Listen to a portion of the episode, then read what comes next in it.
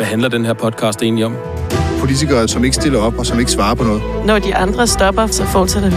Den vind, der blæser hatten af dem. Det er for os selv tidligt. Du er ikke uden humor, for jeg var klart. Prøv at høre, det der var jeg ikke særlig begejstret for. Det er et irrelevant spørgsmål. Vi har hørt alt. Vi har set alt. De kan ikke snyde os. Du lytter til podcasten Ingen Kommentarer. Er I så professionelle efterhånden, så I kører bare helt uden klip? Vi har et klip, et for verdens værste klip. Ja, det er faktisk verdens Det er faktisk verden. Det, det, det bliver kun bragt her, fordi det er så dårligt med lyden, så det kan kun bringes i en podcast. Brian han formåede simpelthen at stå og lave et interview øh, med altså, topcheferne i fagbevægelsen, men lige foran en kæmpestor højtaler under Tessa-koncerten.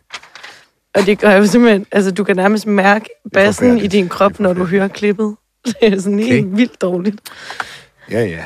Om vi skal lige runde den der demo først, og så videre. Ej, vi er godt nok mange i dag. Øh, hvis man arbejdede i fagbevægelsens hovedorganisation, så ville vi jo umiddelbart gætte på, at der var en 400-500 mennesker i studiet i dag. Ja, altså der er jo fuldstændig sorte mennesker. Og det er fraregnet alle de mange Rasmusser ude i regien. Og der, der, der er så en, der ikke er her. Det er Ja. Christoffer Miles. Ud af alle de hundrede af mennesker, der Ja. er herinde, så er Christoffer Miles ikke. Til gengæld har vi jo Mads Kastrup med. Ja. Velkommen til alle jer, Mads. Tusind tak. Øh, så er vi samlet, og øh, vi skal lige starte med at vende weekendens begivenhed, Ja. nemlig den store demonstration nede på Christiansborgs. Som jo må være en af landets største demonstrationer på, det, på, det, på den plads i hvert fald. Ja, 50.000 vurderede fagbevægelsen øh, selv, at der var, ja. hvilket ingen mennesker kan få til at passe. Nej, du var der jo og føltes, som om der var Jeg var der. 50.000. Det er, jo, det er jo svært faktisk at vurdere selv, hvor mange der er, når man er mange samlet. Øh, men, men man kan jo se på luftfoto, at, at, at Christiansborg Slotsplads er cirka 10.000 kvadratmeter. Og det er så inklusiv scene og, og bagsceneområde, og boder med veder og alt muligt andet. Mm. Og, og der vurderede de altså, at der var mindst 50.000, tror jeg det var. Hvis man lige kigger på Roskilde Festivalens, altså dyrskuepladsen på Roskilde, pladsen foran Orange Scene, der vurderer man jo på Roskilde Festivalens hjemmeside, der kan være cirka 60.000 mennesker, og den er så mm. desværre bare 4-5 gange så stor som Christiansborg Slotsplads. Ja, så de har virkelig stået tæt. Ja. Som du sagde, Brian, så altså i hvert fald på luftfotosene, så hvis der skulle være 50.000, så havde de jo simpelthen nærmest stået i lag. Ja, altså, de skulle have været. 3-4 stykker oven på hinandens skuldre, hvis de skulle have passet. Men, men, men nu må vi se. Jeg ville jo have ønsket, at vi kunne have bragt en nyhed, fordi at vi har fået DTU til at sidde og regne på, hvor mange var der egentlig, de har computermodeller til den slags. Men vi kan desværre ikke bringe nyheden. Okay, men jeg skal bare lige høre, det var et nej til, at det, det i hvert fald ikke for dig føles, som om der var 50.000. Øh, Det var et nej. jeg, jeg, jeg, jeg tror det ikke. Altså, Nej. vurderet ud fra, hvor stor den plads var, og hvor meget, hvor mange mennesker, der kan være på altså en kvadratmeter, simpelthen. Jamen, hvordan var demonstrationen så? den var... Øh, jeg elsker jo demonstrationer. Jeg elsker at være udsendt til demonstrationer, og det er også altid dejligt. Og, og det, der var særligt ved denne her demonstration, var jo, at den forenede jo altså, så mange mennesker, der normalt ikke kan fordrage hinanden. Der stod jo øh, det kommunistiske parti og de revolutionære socialister stod jo og klappede af en sovnepræst. og der troede jeg jo, at for en kommunist er religion var opium for folket, men altså, der formår den her regering jo alligevel at få uforenelige størrelser til at klappe i takt. Mm. Det synes jeg var meget sjovt. Uh, der var jo også DSU, Danmarks Socialdemokratiske Ungdom, der på den måde demonstrerede mod, kan man sige, sig selv, altså mod partiet. Uh, det synes jeg da også var meget interessant. Mm. Ja, hvad siger, de siger lige, lige præcis det her punkt, der er de imod. Ja, det er, er de helt forfærdeligt. Men, men, men jeg spurgte dem så også, vil I så lade være med at hænge deres plakater op, når der er valg igen? For det kunne jo virkelig sætte pres på. Helt lavpraktisk, så skal de selv op og hænge i alle lygtepælene. Men det, det, det ville de gerne alligevel stadig hænge deres plakater op. Nå, okay. Så, så, så mere, mere, mere sure var de det heller ikke. Men, øh, men det var da sjovt at være ude i kulden. Og så, Fik du en varm ved? Jeg fik en meget kold ved. Det var Okay. skrigende koldt i går. Øh, Jeg mødte Tessa. Det var jo en stor oplevelse for mig. Hun spillede jo øh, øh, en koncert, sådan, så der også var noget til de unge. Og øh, hun kom i sin store nye Mercedes, som hun var meget glad for. Jeg prøvede jo at stille hende et spørgsmål, nu jeg var der. Mm-hmm. Jeg ville gerne have spurgt hende. Jeg nåede det ikke, for hun bevæger sig faktisk hurtigt. Men altså, jeg, jeg, jeg, jeg ville gerne have spurgt hende, hvad hun, hvordan hun ville øge arbejdsudbuddet, nu hun var imod at afskaffe Stor Bededag. Øh, men det, det er noget, jeg slet ikke har fået formuleret. Hun, hun spurgte mig bare, om hun ikke synes, at hendes nye bil var rigtig fed. Og det var den. Det var Ja. en sort Mercedes. Men Og- det bare, du sagde jo også, at da hun første gang gik forbi dig, der anede du ikke, at det var Ej, hende, der der var var til klar over. Ej, der havde ikke, det kunne ikke lige... Men det fik jeg, der det researchede jeg mig frem til, at det var hende. Det anede mig, da jeg så to livvagter. uh, men uh, der var det selvfølgelig for sent i første omgang. Men hun, jeg kan jo ikke sige, at uh, mens hun spillede, så Mona Strib fra FOA, forbundsformanden, brugte jo hendes bil som en uh, bænk. Sad og hvilede stængerne på Tessas kølerhjelm. Det gjorde hun. Det kan jeg godt sige. Jeg så det selv. Uh, og... Um, Det er altså, undskyld, helt ærligt, uanset, det, skal, det gør man jo aldrig på andre folks biler. Nej, men det og det gjorde er Mona særligt Strib. ikke, når der står så mange og kigger, og så er det oven i købet Tessas. Altså, hvor ja. dumt er det? Jeg ved om hun det vidste, lige- det var Tessas, men hun var ligeglad. Hun var træt i benene. Det være, hun tænkte, at det var et af de her rige svin, man står Ja, ja. Fuck den Mercedes. Ja. Den sætter jeg mig på. Præcis. Hun satte sig nænsomt på bilen. Hvis Tessa skulle høre det her, og det tror jeg egentlig ikke, men hvis Tessa skulle høre det her, så vil jeg bare sige, at Mona satte sig gelente på din motorhjelm. uh, men øhm, jeg tænkte bare på, hvad det kostede. Mm. når nu Tessa var der, og der var kørt busser ind fra hele landet, og der var veder, og der var sat op osv. Og det prøvede jeg så at interviewe fagbevægelsens top, fremmødte top om. Det var Henning Overgaard fra 3F, og der var selvfølgelig Mona Strib. Og øh, jeg gjorde det desværre lige ved siden af den højtaler, hvor Tessas musik kom ud. Så det, er, det her er officielt verdens værste lydklip. og det kan aldrig nogensinde blive bragt noget sted andet end, end vores podcast. Og øh, skal vi bare lige, måske også lige sige til folk, at lige nu ville det måske være okay lige at skrue bare lige en lille smule ned Ja, for, for jeres høretelefoner, hvis I har sådan Det er på. et interview om, hvad har det, hvad har det hele kostet, øh, kære fagbevægelse. Og man kan jo ja, husk at skrue ned, og så få alligevel at lytte efter. Det har kostet massevis af arbejdstimer, blod, sved og tårer, og det leverer vi med glæde igen. Hvad koster det kroner og øre? Det er sådan, kan man ikke gøre fagbevægelsen styrke og arbejde op. Det her, det handler om, at det er en kamp, vi ikke kan lade være med at tage. Cirka. Der er ikke noget, der hedder cirka her. Sådan er det. Du får ikke et svar, der er tættere på end den her kamp. Den er alt værd. 40 til 50.000 mennesker i dag, der står sammen og siger no-go til regeringen. Det er alt sammen det værd. Det er så Det dårligt. fortsætter faktisk lidt. Altså, hvad, tæ- tænk, tænkte du overhovedet ikke over det, da du stod der allerede? Altså, der var en Brian, lille, du er jo gammel radiomand. klokke, der ringede. Bare tænkte, det her kan godt blive et problem. Men det løser Rasmus. Den løser Rasmus bare. Og når nu er så mange i dag, så tænker jeg, så kan... Nej, altså, det, jeg, jeg frygtede det, men jeg tænkte, det går nok. Det gjorde det ikke. Jeg kan sige, der tager han jo 50.000 igen. 40 til 50. Øh, men ja. vi fik ikke noget beløb, og til dem, der har helt har slukket, mens det foregik, så vil jeg bare sige, at han sagde, sådan noget her kan ikke gøres op i penge. Det er simpelthen ja. Ja. for dejlig en oplevelse til, at det kan man gøre op i kroner og øre. Det tror jeg nu alligevel, man bliver nødt til, og så må vi se, om vi ikke kan få et svar ud af, af det ved lejlighed. Det er jo trods alt også altså, medlemmernes penge, der er blevet brugt på det. Ja, og hvis nu det ikke har været så stor en succes, som de selv praler med, så er det da relevant for alle os. Jeg har været en del af problemet, der har ført frem til, at vi har anden bølge af MeToo. Jeg vil gerne gå fra at have været en del af problemet til at være en del af løsningen. Derfor har vi drøftet, hvordan vi kan sætte den proces i gang. Anne Linde var der også. Men nu, nu, nu skal vi altså over til Mads, synes Ja, jeg. det synes jeg også. For vi har lavet vores gæst hænge så længe. Mads, du har skrevet, du har gjort dig tanker, ikke også? Jo, Det er sangående vedrørende det Finansministeriets mirakuløse regnemaskine, som du har sammenlignet med en bestemt verdensberømt supercomputer. Ja. Hvad, hvad, hvad er det for en?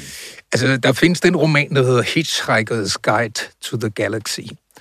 Øh, det er en fuldstændig øh, fabelagtig, fabulerende roman, som handler om at rejse i rummet og ude i fremtiden. Der har man en, i romanen er der en supercomputer, som man sætter til at regne ud, øh, hvad er meningen med livet, og hvordan opstod universet, og alting. Det står der faktisk. Øh, og den regner meget længe, den her supercomputer. Og til sidst, så spytter den tal ud. Og der står så 42, står der. øhm, der findes faktisk folk, der, der findes matematikere på Oxford, der har, der har begyndt at regne den anden vej med 42, men jeg ved ikke, hvad de har fået ud af det nu, men altså, det, øh, det er faktisk sandt. Øh, og, og, øh, og så kom jeg til at tænke på, at øh, nu findes der jo en stor udregning bag øh, nytteværdien af at nedlægge stor bededag. Og den, øh, hvor bliver sådan en regnet ud hen? Det gør den inde i Finansministeriet, fordi vi har faktisk en lignende maskine her i Danmark, øh, som man har i Hitchhiker's Guide, og det, det, det er også, jeg forestiller mig en supercomputer. Jeg, jeg ved det ikke, jeg har ikke set den, der er ikke nogen, der har set den. øh, og øh, den regner så alting ud i næsten al fremtid. Og den har så regnet ud, hvad nytteværdien er, er at fjerne stor bededag, at det vil være så og så mange milliarder, ja. og det vil det være i så og så mange år. Den regner faktisk, at arbejdstiden vil være den samme helt frem til 2074. Jamen, det, det er jo, det den her mirakuløse graf, ja. øh, som du faktisk øh, viste mig tidligere i dag. Ja. Øh, det er jo, øh, den kommer fra det, der hedder en baggrundsbriefing om Finansministeriets vurdering af effekten ved at afskaffe en helligdag. Ja. Og der uh. har man over på side 15 lavet det, der hedder en lang fremskrivning af arbejdstiden, og nu, nu er det jo radio. Ja. Men den er jo heldigvis nem nok at beskrive, Mads. Den er meget, for... meget lige. Det er en fuldstændig vandret linje. Øh, der kommer ikke til at ske noget de næste 50 år. Og, og, og... Hvis det havde været en kurve på et hospital, så havde det været meget ildevarslende for ja. pågældende patient. Ja. Æh, fordi at, altså, der er jo... Der er lige et lille dyk i starten, ikke? Den går fra 1966. Der starter grafen. Og det vil sige, det er tiden, der er gået. Og, og der er der jo øh, udsving op, at det går jo ned hele tiden, men det, det, den bevæger sig dog. Så kommer vi frem til, det er jo supercomputerens, øh, nu kommer den så på, i, i, ja. i gang, og den træder så til i vores tid nu, og herfra, efter forskellige bevægelser op og ned, efter den, hvordan virkeligheden mm. er lavet, jamen så går den helt i stå. På mirakuløs vis har supercomputeren i Finansministeriet beregnet, at indtil 2074, det er vel 51 år, mm-hmm. jamen der, der, der kommer den simpelthen ikke til at bevæge sig noget Nej. som helst. Den går lige ud. Og det vil så også sige, at den computer, de har, eller regnemaskine, de har over i Finansministeriet, den er lige en kende mere avanceret, end den, de har i, i rumromanen. Fordi øh, den, de har over i Finansministeriet, den kan åbenbart forudsige fremtiden. Mm. Altså, oh, yeah. Og den kan sådan set også forudsige, hvordan vi vil opføre os de næste 50 år. Vi kommer ikke til at ændre på det her. Vi gør, hvad der bliver sagt. Den kan også forudsige alle overenskomster de næste 50 år, ja. hvor vi går ud fra. Og det er jo et mageløst instrument. Men oven i det, så er perspektivet i det her, det synes jeg jo er vildt interessant, fordi hvor sjovt man end synes, det er, så det her, det siger noget om dansk politik, fordi i de sidste, lad os sige, 20-30 år, der al politik i Danmark handlede primært om én ting. Det har handlet om at reformere velfærdssamfundet. På den ene eller den anden måde. Fordi udgifterne løber løbsk og så videre, og så skal man gøre et eller andet ved dem, og man skal reformere, reformere og reformere på alle områder. Og alle reformforslag, de kommer fra den maskine. Ja.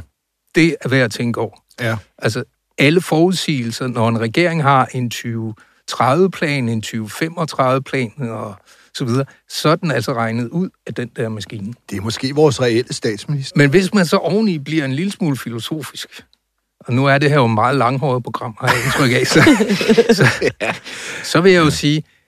Jeg er i hvert fald ikke blevet klippet. Men hvis alt politik bare er administration ud fra nogle udregninger, der er lavet på en regnmaskine over i Finansministeriet, er politik så ophørt? Altså, mm. så er det jo ikke politik mere, så er det bare administration. Hvordan kom mm. du til at sidde og filosofere over Finansministeriets regnemodeller?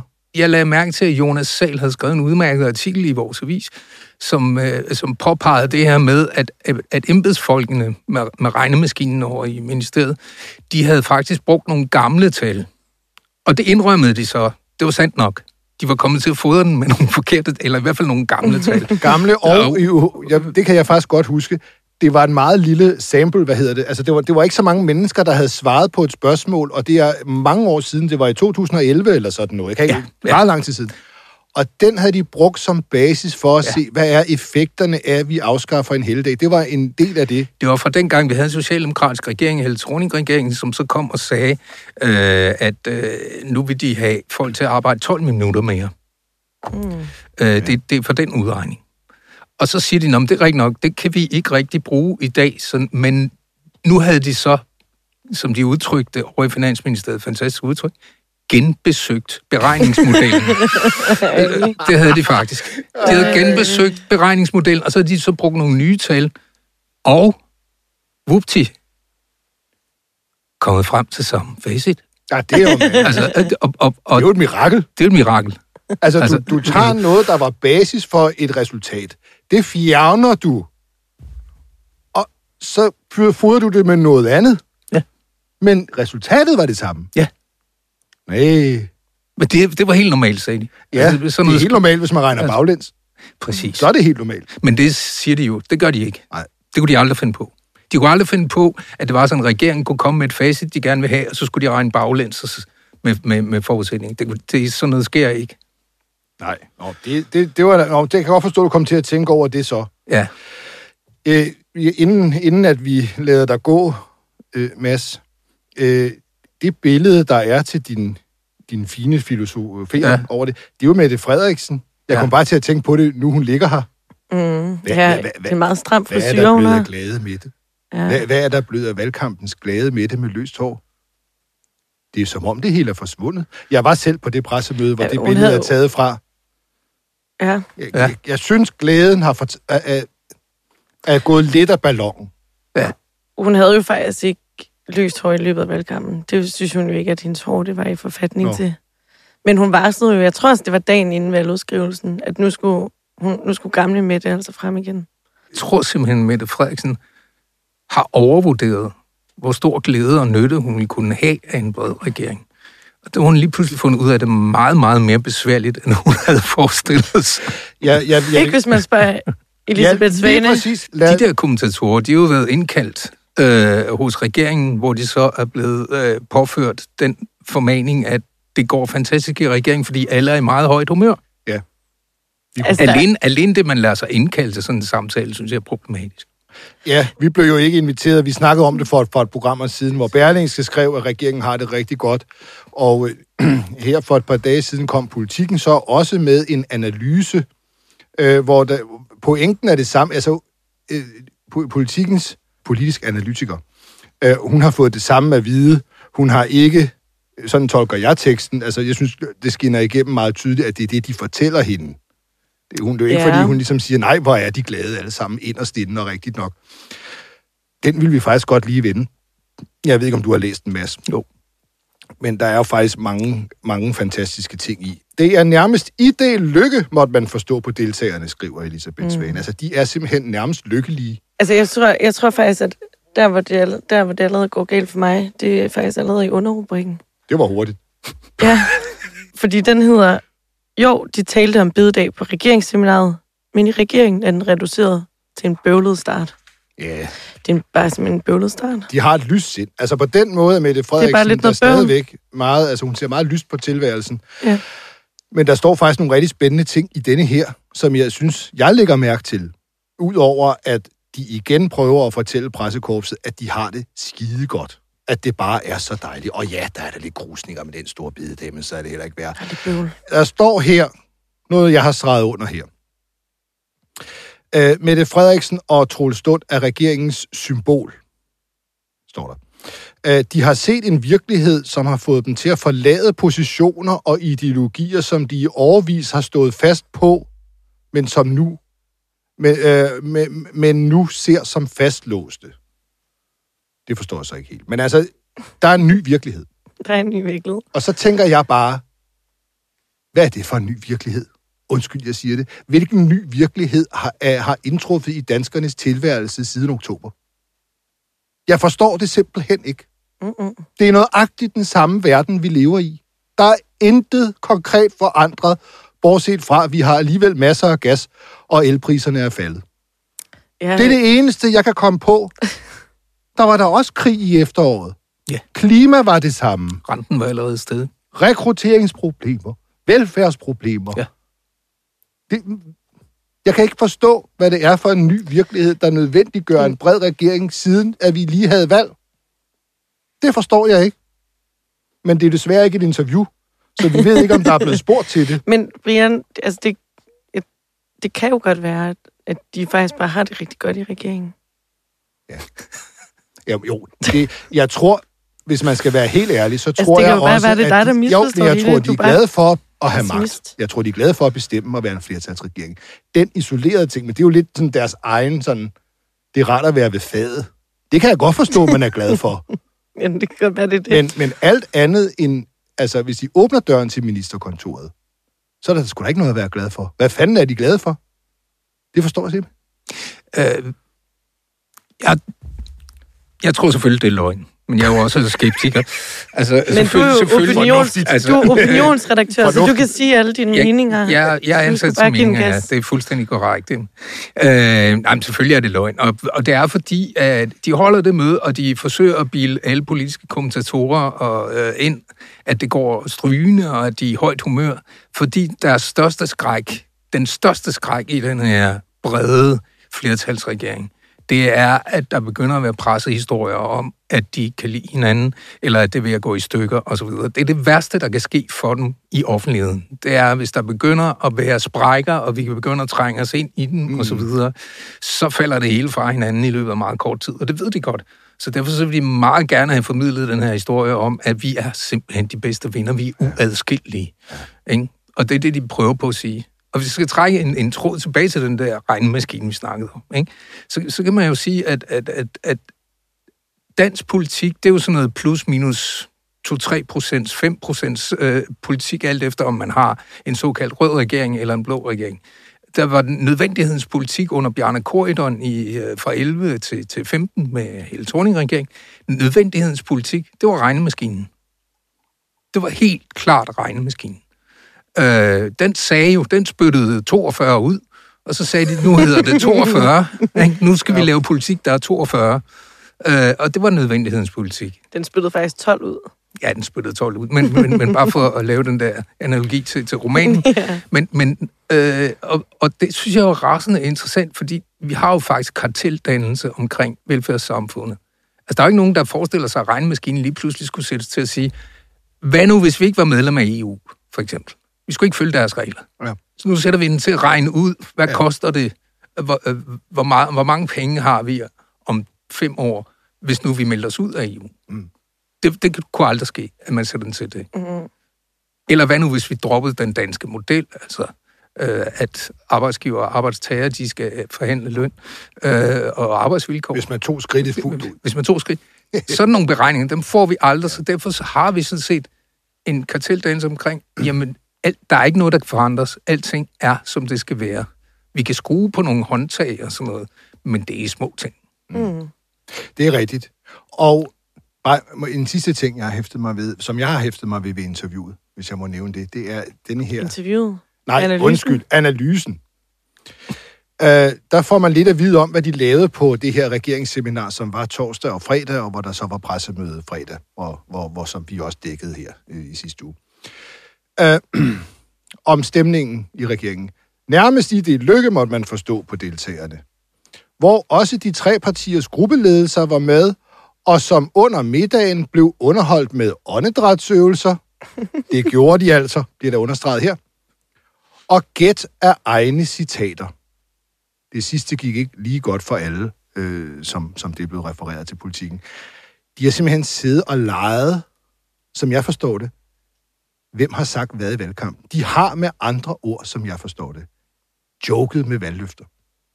Sådan tolker jeg det der. De har siddet og holdt, hvem har sagt hvad, ha ha ha ha, når det var dig, når det var ikke mig. Ved du hvad? Det er fandme ikke særlig sjovt, du.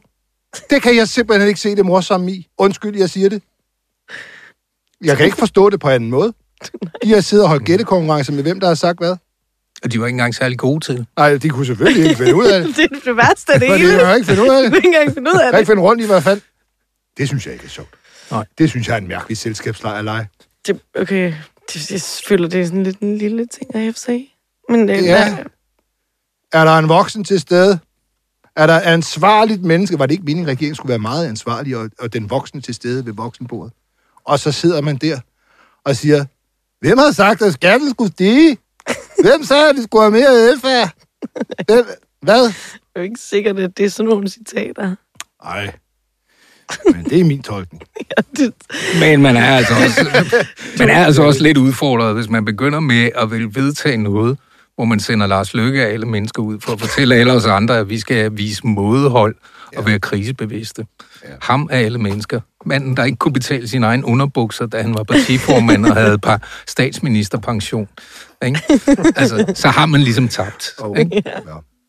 Med denne, med denne, neds, med denne ledslående øh, besked, så Ja, synes jeg, vi skal lukke ned nu.